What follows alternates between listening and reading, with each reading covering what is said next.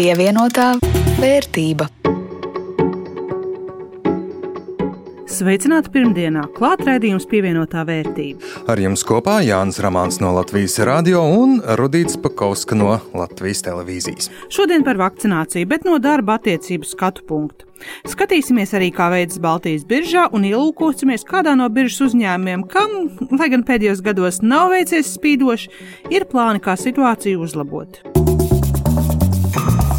Pievienotā vērtība. Aktuāls un zīmīgs ir šis datums, 15. novembris. Lielie veikali tikai zaļajā režīmā, mazie drīkst sarkanajā, bet policija tramdīs tos, kuri jauc krāsas un lūko darboties pelēkajā. Šis ir force majeure, sauc Latvijas Būvnieku asociācija.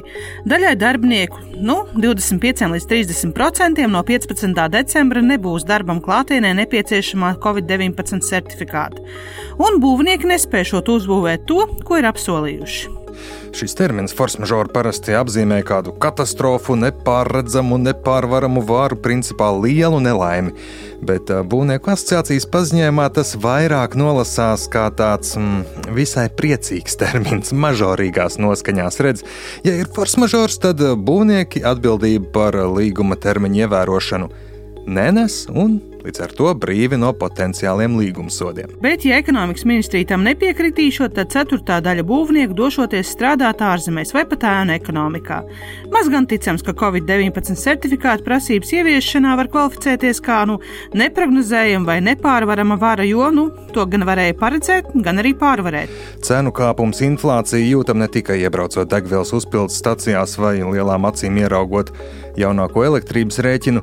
Oktobrī gada inflācija sasniegusi 6%, bet tuvāk jaunajam gadam visticamāk runāsim jau par procentiem desmit.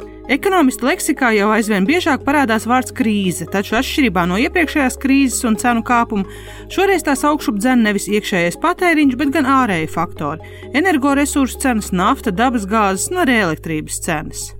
Uz jautājumu, ko tad darīt, atbildes nav pārāk patīkamas, jo iekšējā patēriņa piebremzēšana neko daudz nelīdzēs, vienlaikus jāatbalsta mazāk nodrošinātie, vēlams arī valstī. Izvairīties no pārmērīgiem tēriņiem, kas gan varētu būt problemātiski laikā, kad citas Eiropas valstis, atkopjoties no Covid-19 pandēmijas, pludina savās ekonomikās visai daudz naudas. Eiropas centrālā banka, protams, var palielināt aizņemšanās procentu likmes, lai ierobežotu visu valsts tēriņu, nu, bet kamēr inflācija nesagādā problēmas Eiropas lielajām ekonomikām, nezinu, vai kaut kas tāds notiks. Piemēram, jaunākajā Eiropas komisijas ekonomikas prognozē tiek runāts par inflāciju Eirozonā šogad un nākamgad 2-3% robežās, kas ir gana veselīgs līmenis, kur nekāda īpaša iejaukšanās nav vajadzīga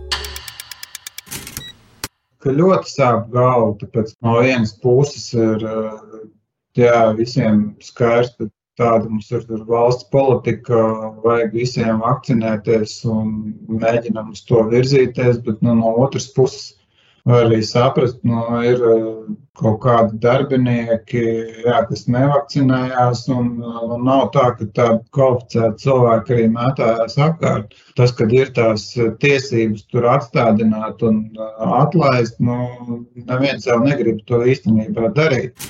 Tā man saka Toms Šulmanis, Kobalta partneris, kad jautāju, cik ļoti uzņēmumiem sāp galva par šodienas 15. novembra un arī par 15. decembra prasībām par Covid certifikātiem darbiniekiem. Kaut kā viņiem ir jābalansē, jāmēģina tur pārliecināt ar daž, dažādām metodēm, motivēt un kaut kā, kaut kā jā, mēģināt šo tikt galā situāciju. Arī darba ņēmējiem, ja nav izslimošanas vai vakcinācijas certifikāta, prieku maz. Atstādināšanai bonusu un ieguvumu ir pavisam maz. Tātad nu, neviena no šīm trīs lietām nav ne, neskaitās uh, atvaļinājums, nevar saņemt slimības pabalstu, un arī alga netiek saņemta. Protams, darba devējs varbūt uh, privātā sfērā var būt uh, labvēlīgāks nekā ir noteikts tajos MK noteikumus, un kaut ko var maksāt. Bet, uh, nu, principā, nestrādā, nesaņem algu, nav atvaļinājums, nevar uh, slimot, un jā, viss ir slikti. Bieži vien dzirdu, nu pagaidīs līdz janvārim, kad beigsies ārkārtējā situācija, un tad jau redzēs. Diemžēl visai ticams, ka janvāris neko neatrisinās, tā man skaidro Šulmanis visiem klātienes darbiniekiem ir eh, jābūt eh, vakcinētiem. Tas būs spēkā arī pēc tam, no 12. janvāra. Tas ir jau nevis vairs tajā ārkārtas stāvokļa rīkojumā, bet eh, citos MK noteikumos, kuri turpina būt spēkā. Un, nu, tā prasība būs spēkā tiklīdz kamēr valdība izlems, ka pandēmija ir beigusies, un tad attiecīgi šī prasība tiks atcelta. Tā kā nu, noteikti nav tā, ka jāpārdzīvo līdz janvārim, un tad sāksies uh, jauna, skaista dzīve bez vakcinācijas. Te jāņem vērā, ka atstādinātie darbinieki pēc tam, ja prasība vakcinēties joprojām ir spēkā, var tikt nosūtīti dīkstāvē. Un tā kā šī dīkstāve būtu darbinieka rīcības, nu, respektīvi nevakcinēšanās dēļ, par to nemaksās. Klau man jautājums, bet vai darba intervijā vispār var prasīt, cilvēkam ir vakcinējies vai pārslimojis Covid? Jā, jā, un tieši tādu pašu jautājumu uzdeva arī ekspertam, un īsa atbilde - jā, drīkst jautāt. Ja šis darbs ir saistīts ar darbu klātienē, tad uh, var jautāt, ja jau sākotnēji ir skaidrs abām pusēm, ka darbs tiks veikts attālināti, tad nebūtu pamata prasīt. Bet nu, tas ir no elementāras loģikas. No darbinieks tiek pieņemts uh, uz darbu klātienē, un viņš atnāk uz darbu un izrādās, ka viņam nav. Nu, viņš tepat sekundē ir jāatstādina. Nu, tas ir tāds pilnīgs absurds. Tāds arī ir eh, šis likumīgais pamats eh, prasīt arī intervijas laikā, ja tie ir klātienes pienākumi. Un, ja reiz sākam par attālinātu darbu, Šulmanis uzsver, nav tāda lieta kā daļēji attālināts darbs, vismaz nu, no Covid certifikāta viedokļa. Un tas nozīmē, ka variants ieskrienu īsīs uz pusstundiņu darbā, tāpēc certifikātu nevajag īsti nav iespējams. Nu, jā, nu, teorētiski, ja ārpus laika, nezinu, trijos naktī, nesatiekot nevienu, uz mirkli parādās darba telpās, tad var būt, bet nu vispār nē. Pēc darba laika ieskriet tur izdrukāt kaut ko, tas ir viens, bet nu, tā, ka man jau tikai reizi mēnesī, bet tomēr tas notiek darba laikā uz kaut kādu sapulcīti jāatnāk, nu, tad tas īsti tā nestrādā. Nav īsti tāds sadalījums, kā es teicu, tur daļēji attālināti vai daļēji klātienē. Ja tam cilvēkam ir, piemēram, reizi divās nedēļās jāatnāk klātienē un darba laikā, nu, tad tas īsti jau nestrādās. Tad ieslēdzās tas, ka viņš ir klātienes darbinieks un, un viņam visas šīs prasības piemērojamas. Attālinātais darbs pēc jurista vērtējuma būs arī viena no tām lietām, par kurām varētu būt tiesvedības starp darba devējiem un ņēmējiem. Domāju, ka tie strīdi neizbēgami būs, jo nu, ir zināma pelēkā zona, kur ir vieta interpretācijai par to, vai tas darbinieks var vai nevar strādāt attālināti pilnībā. Un uh, diskusijas, vai, piemēram, obligāti, ka darbiniekam tur jāierodas reizes divās nedēļās uz kaut kādu kopējo sapulci vai, komandas pasākumu, vai darba devējs to var uzspiest vai nevar, vai tomēr šādā situācijā darbinieks varētu teikt, nē, es varu pilnībā, pilnvērtīgi pildīt darba pienākumus attālināti, un tad, nu, attiecīgi man nebūtu vispār tā vakcinācija nepieciešama. Par to, es domāju, varētu būt diezgan strīdi. Bet ar ko riskē uzņēmumu neievērojot šos noteikumus? Nu, pats pirmais - administratīvais sots līdz 5000 eiro. Bet, kā skaidro Toms Šulmans no Kobalta, tas nebūtu nav vienīgais uzņēmuma risks. Kaut kādiem lielākiem uzņēmumiem varbūt tas nav nekāds lielais viņi tur ir gatavi to sodu samaksāt, bet, nu, tīri teorētiski pastāv arī tāds risks, ja pieņemsim darbinieks būs nevakcinējies, viņš nebūs atstādināts un strādājot, būs inficējies un būs kaut kādas smagas veselības sekas vai dievs nāvi iestāsies. Nu, tad par šo darba devēju var celt civiltiesiskā kārtā prasību par kompensāciju, ka darba devējs nebija izpildījis šo pienākumu darbinieku atstādināt Tā rezultātā darbinieks ir vai nu viņam smagas problēmas, ja viņš vispār nav iestājusies, nu, tad attiecīgi vai viņš pats vai tuvinieki varēs celt prasību par darba devēju. Tur jau noteikti vairs nebūs 5000, tur būs 50, 100 un varbūt vairāk tūkstoši. Bet nu pie biržas lietām. Aizdītajā nedēļā kāpums Tallinā, kritums Rīgā un Viļņā, attiecīgi manā portfelī gluži kā rietumu frontē, bez būtiskām izmaiņām. Un kā tev, Jāni? Tā kā man ziemeļa fronte ar Tallinas virzienu, arī tur bez īpašām pārmaiņām. Man maza sudraba maliņa, kas priecē. Pirmā tirdzniecības nedēļa virsiem bijusi ar plusa zīmi. Cena pret publiskā piedāvājuma cenu augus par 2,9%. No prieks gan lielākoties tādēļ, ka tiem cilvēkiem, kuri tieši ar virsmu akcijām pirmo reizi iemērca kājas pirksts akciju dīķītī, nu tā pirmā pieredze nesākās ar krietnu mīnusu augsto ūdeņu šalti.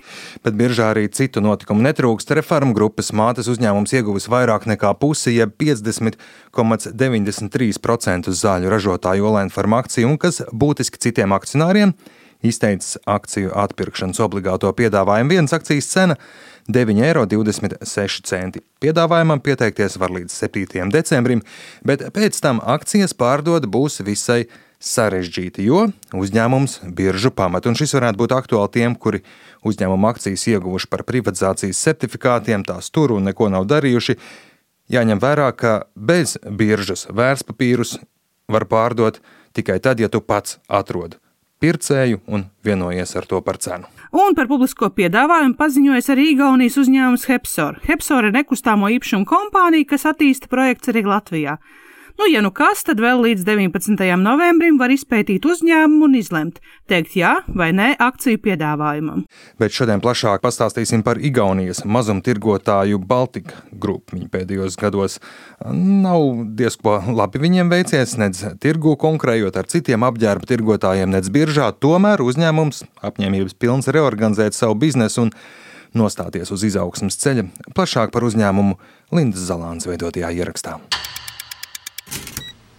Baltika Grupa ir Igaunijas mazumtirgotājs ar vairāk nekā 90 gadu vēsturi. Tas darbojas visā Baltijā, veido modes kolekcijas un pārvalda mazumtirdzniecības ķēdes. Baltika Grupa nodarbina vairāk nekā 200 cilvēku.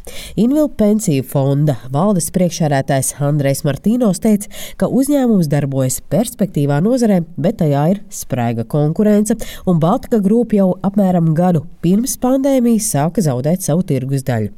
Uzņēmums reorganizēja reorganizēja savu darbību, atteicās no apģērba ražošanas un darbojas tikai kā tirgotājs, bet tad pienāca pandēmija. Un skaidrs, ka Covid to situāciju vēl pastiprināja.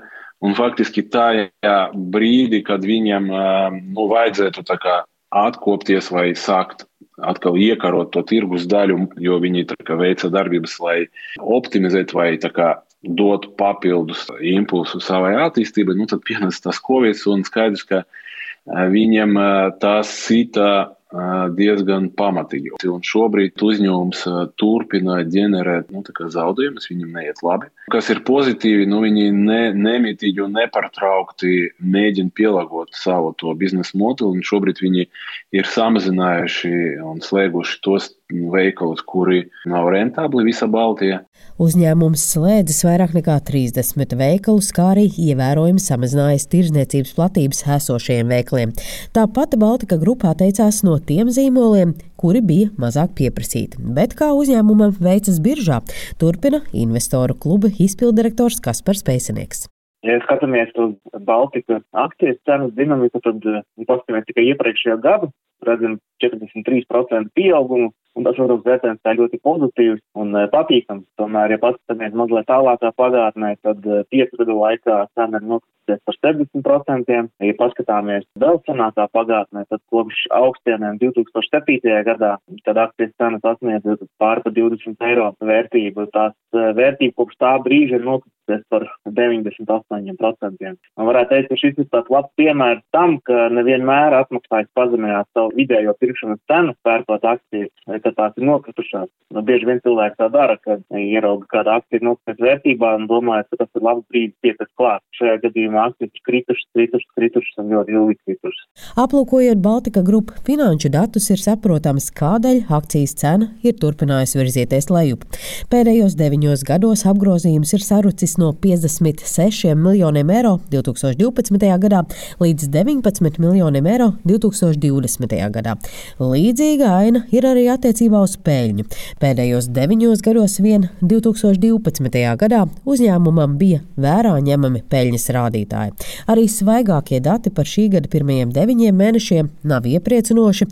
Apgrozījums turpina kristies, tas gan ir sagaidāms ņemot vērā uzņēmuma reorganizāciju. Tajā pašā laikā vēl joprojām uzņēmumam neizdodas izkļūt no zaudējumiem. Šī gada 9 mēnešos zaudējuma diena aktīvi bija 4 centi. Tāpat iepriekšējā gada pirmajos 9 mēnešos uzņēmums spēja mazliet nopelnīt. Un, ja pandēmijas laikā lielākajai daļai uzņēmumu izdodas zaudēt e-komercijas apmērā, tad Baltika pārdošanas apjoma e-komercijas kanālos šī gada 3. ceturksnī bija par 21% zemāk salīdzinot ar attiecīgo periodu pērn. Kopumā varētu teikt, lai kā es meklētu, neizdodas atrast īpaši pozitīvus rādītājus, izaugsmi vai cerības gaismas sarunas ūdeni galā. Un, iespējams, es skatos tomēr tā ir pašreizējā situācija, un es šobrīd viennozīmīgi neizvēlos Baltika akcijas ieguldīšanai.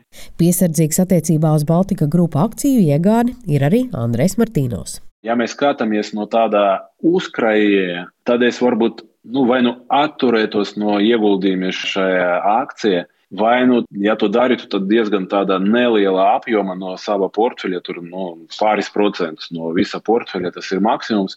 Jo arī tirgus organizētājs birža ir piemērojis vairākus uzraudzības pasākumus, lai pievērstu investoru uzmanību tam, ka Baltika grupa akcijas ir riskantas un to arī nedrīkst ignorēt. Bet atkal, ja uzņēmumam izdosies panākt tos mērķus, ko viņi ir izvirzījuši, ja, tad skaidrs, ka tā cena atkopsies ātrāk nekā tirgus dos kopumā nopelnīt. Ja. Tas jau kā jau uh, birža un kā jau investīcijas, jo lielāks risks, jo lielāka potenciāla atdeve. Ja, bet arī risks var materializēties arī no nu, zaudējumos, diemžēl. Ja mēs paskatāmies, vai varēja nopelnīt, noteikti varēja, tāpēc ka tāda vot, nenoteiktība un tas svārstīgums arī vide, tā uzņēmuma darbība nu, nodrošina svārstīgumu arī birža. Tad tie, kuri māca vai kuri izvēlas pelnīt uz ceļu svārstībām, nu, es domāju, ka nu, viņi izmanto šo uzņēmumu kā rīku to darīt. Uz dividendiem es domāju, ka vēl kādu laiku nevarēs cerēt noteikti. Protams, strādājot ar zaudējumiem, nevar būt ne runa par dividendžu maksāšanu. Uzņēmums dividendes nav maksājis jau vairāk nekā desmit gadus. Linda Zalāne, Latvijas radio. Pievienotā vērtība. Pievienotajai vērtībai atvēlētais laiks ir galā. Paldies, ka bijāt kopā ar mums. Raidījumu veidoja Rudīts Pakausks no Latvijas televīzijas un Jānis Ramāns no Latvijas radio. Par skaņu rūpējās Ulds Grīmbergs. Atgādināšu, ka šo un citus raidījumus var noklausīties Latvijas radio arhīvā, kā arī jūsu iecienītākajās raidierakstu klausīšanās vietnēs. Uz tikšanos nākamnedēļ! Pievienotā vērtība.